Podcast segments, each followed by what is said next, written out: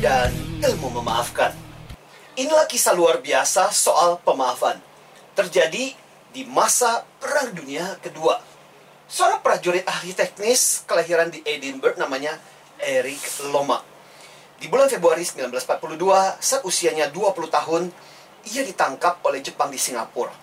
Lantas ia diangkut ke Kanchanaburi, Thailand. Di situlah ia dipaksa bekerja membangun jalur rel kereta dari Burma Siam yang terkenal. Sayangnya, karena ketahuan membangun radio dan membuat peta, Eric Lomax pun disiksa dengan biadab.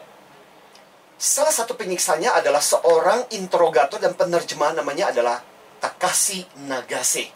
Nagase lah yang membuat hidupnya amat menderita dengan berbagai siksaan untuk membuatnya mengaku. Termasuk memaksanya mulutnya itu sampai disemprot dengan air sementara ditutup hidungnya yang membuatnya dalam kondisi seperti akan mati tenggelam. Namun ketahanan Lomax yang luar biasa membuatnya tetap bertahan dan setelah perang usai Lomax pun kembali ke Inggris. Ia jadi dosen di Glasgow University dan suatu ketika ia mendapat berita kalau Nagase yang menyiksanya masih hidup dan menulis buku tentang kejahatan perang. Istrinya berhasil membujuknya untuk menemui Nagase kembali. Nagase menemuinya dengan berlinang air mata dan meminta maaf dan mengatakan, "Saya berusaha untuk mencari Anda dan ingin mengatakan betapa tersiksa luar biasanya saya dengan kesalahan-kesalahan yang telah saya lakukan selama tiga hari." mereka bertemu dan berbicara dan bahkan akhirnya mereka bisa berteman akrab. Kisah luar biasa ini kemudian diangkat menjadi sebuah film yang luar biasa judulnya The Railway Man. Kok bisa-bisanya memaafkan?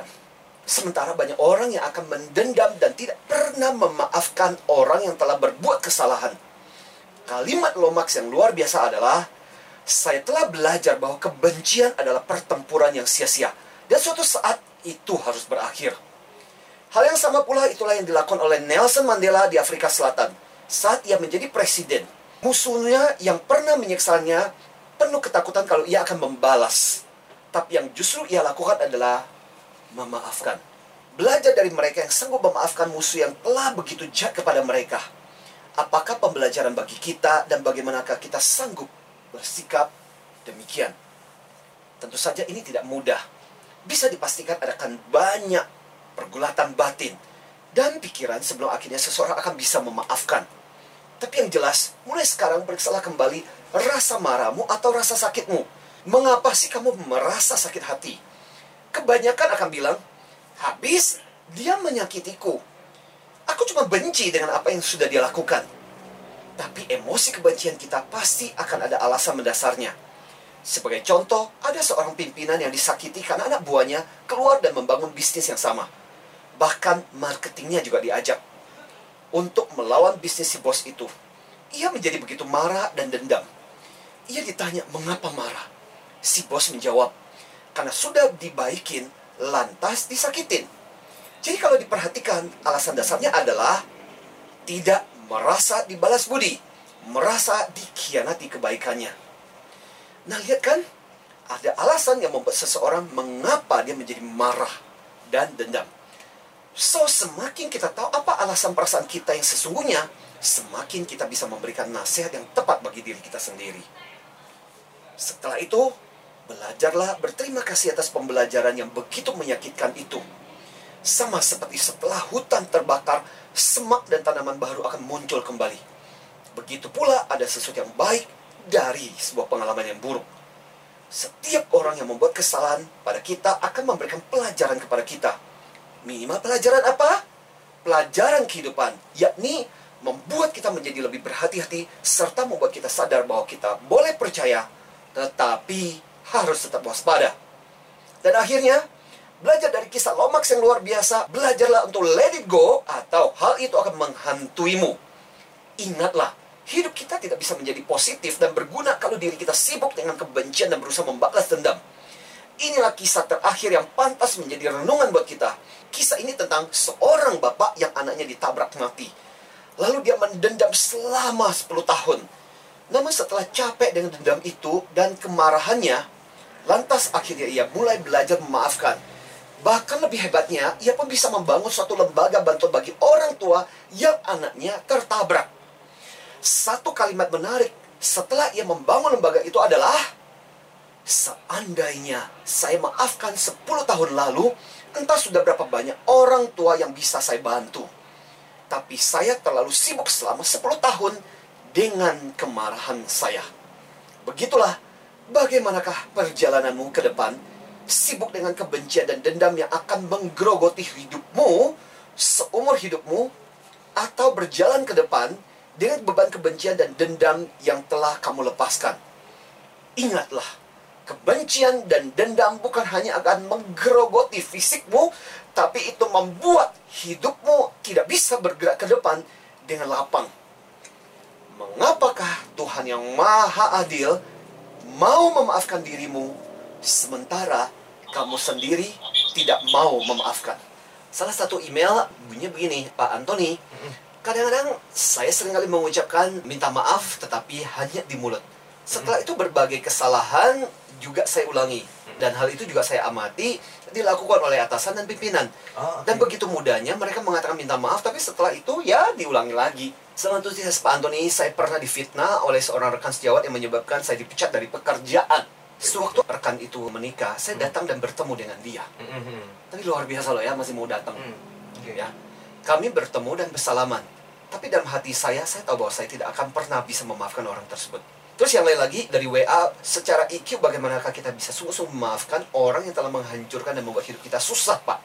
Rasanya gampang diucapkan, misalkan pada saat bertemu, tetapi dalam hati tetap mengganjal, Pak. Memang kalau kita bicara memaafkan, tidak segampang, semudah kita menuliskan, segampang kita untuk mengatakan. Ya. Gampang untuk dikeluarkan dari mulut kita, tapi apakah hati kita yang paling dalam itu betul-betul ikhlas atau tidak. Sampai ada kisah seperti ini. Seorang istri bilang sama suaminya, Papa, papa, ingat nggak kesalahan papa 10 tahun yang lalu? Mhm.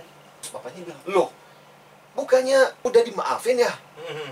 Si maminya bilang, iya sih, saya sudah maafin, tapi cuma mau ngingetin aja gitu. Bahwa 10 tahun yang lalu papa pernah bisa bikin salah. Jadi pertanyaannya ini dimaafin apa kagak? Tapi memang nggak mudah, nggak gampang. Saya masih ingat ada salah satu peserta saya cerita. Ini papanya luar biasa lah ya, luar biasa cukup jahat lah kepada keluarganya, Oke. kepada anak-anaknya, kepada istrinya, dan dia termasuk salah satu yang keluarga yang kemudian ditinggalkan oleh ayahnya ini. Mhm. Tapi pada waktu ketika ayahnya sakit, dia sampai akhirnya telepon kepada ayahnya dan sempat ngomong begini. Mhm. Papa, meskipun Papa pernah mengusir saya dan saya begitu terlukanya. Saya cuma mau bilang bahwa saya memaafkan Papa hari ini dan saya menerima Papa untuk menunjukkan bahwa diri saya bisa lebih baik dari Papa. Kalau kita renungkan kembali. Kilas balik nih ceritanya dari Ramadan kita yang Mhm. sudah dijalani, yang sudah kita lewati, puasa yang sudah dilewati. Mhm. Apa sih pembelajaran dan bagaimana itu kita kaitkan dengan Lebaran? Pertama-tama adalah sebenarnya dari puasa sendiri, hampir semua agama-agama besar pasti mengajarkan tentang yang namanya puasa. Puasa. Karena itu memberikan pembelajaran yang bagus secara fisik, pembelajaran bagus secara mental, juga Mhm. pembelajaran bagus of course terkait dengan spiritual. Ya. Kenapa? Karena puasa itu pasti mengajarkan kita untuk melakukan kendali diri, Mhm. Kontrol Mhm. diri. Dasarnya manusia itu pasti punya dorongan-dorongan nafsu atau apa pun yang sering kali nggak terkendali. Mhm. Nah, dengan berpuasa kita dilatih untuk belajar bagaimana cara kita mengendalikan diri. Setuju. Itu pelajaran pertama. Mhm. Yang kedua, juga latihan jeda, stop. Kemampuan kita untuk jeda stop. Kita ingin melakukan sesuatu, belajar untuk stop. Karena ternyata bagian dari kecerdasan emosional itu sangat penting kemampuan kita untuk jeda. Atau istilah kita namanya delay gratification. Mhm. Saya pingin sesuatu, tapi sekarang belum boleh nih. Saya harus Hmm. belajar untuk menunggu. Nah ternyata, saya masih ingat dengan satu penelitian namanya marshmallow test. Anak-anak yang mampu menahan dirinya untuk tidak makan permen marshmallow itu ternyata lebih sukses dan lebih berhasil. Sama di dalam pembelajaran ketika kita berpuasa pun kita dilatih kan. Sebelum kamu boleh menikmati buka puasa, kamu harus belajar untuk menahan diri dulu.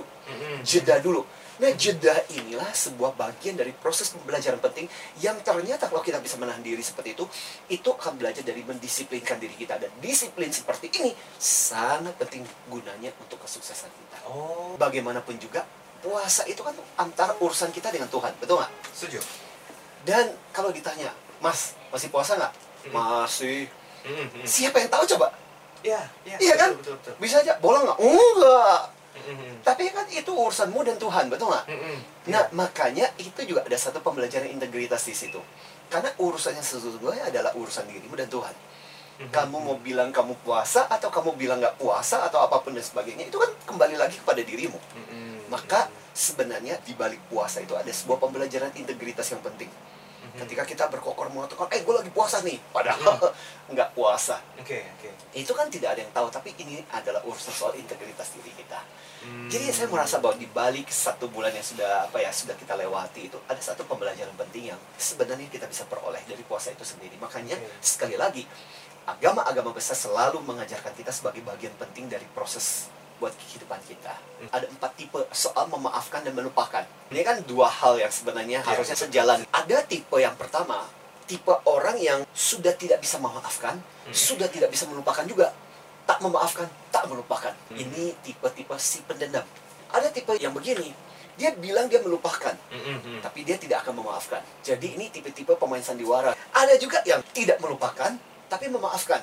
Itu biasanya orang-orang yang sudah luka batin. Ada juga yang lain, yang menurut saya ini luar biasa.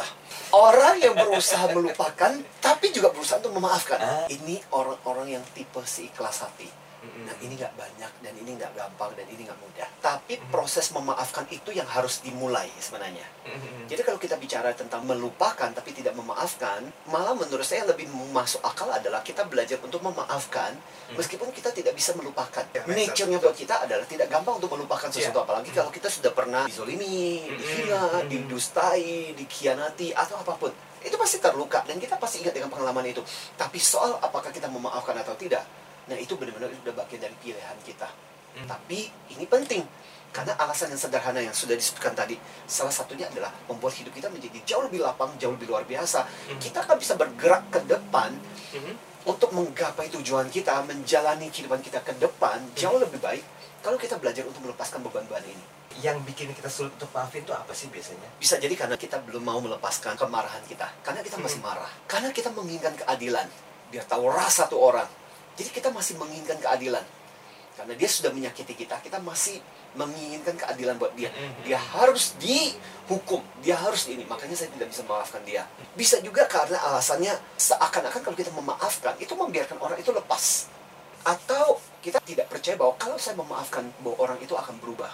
Dan itu yang membuat kita akhirnya kemudian tetap bertahan dengan sikap kita bahwa kita udah begitu terlukai oleh orang itu dan saya tidak akan pernah memaafkan orang itu. Jadi ada satu ilmu yang kemudian secara khusus mempelajari tentang forgiveness. Nah, salah satu yang terkenal adalah yang namanya Fred Luskin. Sampai dia pernah menulis satu buku judulnya adalah Forgive for Good. Mm-mm. Forgive for good itu artinya memaafkan untuk selama-lamanya. Nah, menurut dia ternyata ada tiga hal yang perlu menjadi bagian dari proses kita. Pertama-tama dari sisi kognitif, Mhm. pikirannya, mindsetnya seperti apa. Dua, dari sisi bagaimana kondisi emosi fisik dan emosional. Jadi Hmm. memahami dampaknya. Dan yang ketiga adalah dari sisi spiritual. Mm-mm. So mereka akhirnya bisa memaafkan selama-lamanya. Pertama-tama dari sisi kognitif, mereka selalu berpikir begini. Bahwa mereka memberikan penjelasan rasional kenapa orang itu bersikap seperti itu kepada kita. Mhm. Ya bisa jadi karena mungkin ada kesalahan saya sebagai atasan kepada dia sehingga dia menjadi seperti itu. Mhm. Ada kesalahan saya sebagai seorang anggota keluarga sehingga dia menjadi seperti itu. Mhm. Dari sebagai sebagai pasangan sehingga dia bersikap seperti itu. Jadi Hmm. alasan untuk memberikan pemaknaan kenapa hal itu seperti itu terjadi. Oke, oke. Yang kedua adalah orang-orang akhirnya bisa memaafkan melihat dari sisi fisik dan emosional. Mereka tahu bahwa menyimpan marah dendam itu akan merusak orang-orang yang menyimpannya. Jadi akhirnya dengan kesadaran bahwa secara fisik ini nggak baik buat saya, atau secara emosional ini juga nggak bagus buat saya, maka kemudian aku harus belajar untuk melepaskannya. Alasan spiritual yang ketiga, mereka percaya bahwa kemarahan dan rasa benci itu menyimpan energi-energi yang negatif. Yang akhirnya energi negatif ini yang kemudian menolak dan membuat apa yang menjadi berkat anugerah dari Tuhan yang mau masuk jadi nggak bisa karena kita terlalu banyak menyimpan energi negatif ini. Kenapa kita perlu untuk betul-betul belajar untuk memaafkan? Karena kita sendiri pun sebenarnya perlu untuk dimaafkan. Lima self buat diri kita sendiri yang bisa kita peroleh dengan memaafkan. Pertama-tama, memaafkan itu self help. Dengan kamu memaafkan, kamu bukan cuma mempermudah orang itu sendiri, tapi sebenarnya kamu mempermudah dirimu sendiri. Ketika kita memaafkan, kita membuka pintu diri Iya, kita. iya. Yang kedua adalah self speak karena ketika kamu bisa melepaskan bebanmu bukankah kamu bisa berlari lebih kencang. Yang ketiga, self health untuk kesehatan dirimu. Ketika kita tidak memaafkan, segala sampah-sampah itu bisa membusuk dalam hatimu, dalam dirimu lama kelamaan. Dendam itu bisa menjadi penyakit yang luar biasa dalam dirimu dan menggerogoti hidupmu. Yang keempat, self spiritual. Karena agama mengajarkan kita untuk belajar untuk memaafkan. Tuhan yang maha adil harusnya Tuhan bisa menghukum kita. Dengan kesalahan kita mau memaafkan kita harusnya kita yang sudah menerima berkat seperti itu kita juga harus belajar untuk memaafkan. Dan berikutnya juga adalah self happiness karena mereka-mereka yang bisa memaafkan biasanya lebih happy dan lebih berbahagia daripada orang-orang yang terus menerus menggerutu dan menyimpan dendam dalam hidupnya kalau maaf sulit untuk diucapkan dan salah sulit untuk dilupakan jangan pikir kesalahan orang tapi lihatlah ke dalam apakah dirimu selalu hanya ada kebaikan tidakkah ada juga kesalahan dosa dan keburukan yang tak sengaja dan sengaja kamu lakukan. Mengapakah kamu begitu mudah untuk menyalahkan, tapi luput untuk merasakan kata-kata, sikap dan perbuatan yang membuat orang lain dilukakan. Jadi ketika kamu dan dirimu bersimpu minta ampunan Tuhan, tapi mengapakah kamu sendiri tidak mau melepaskan dosa dan kesalahan orang?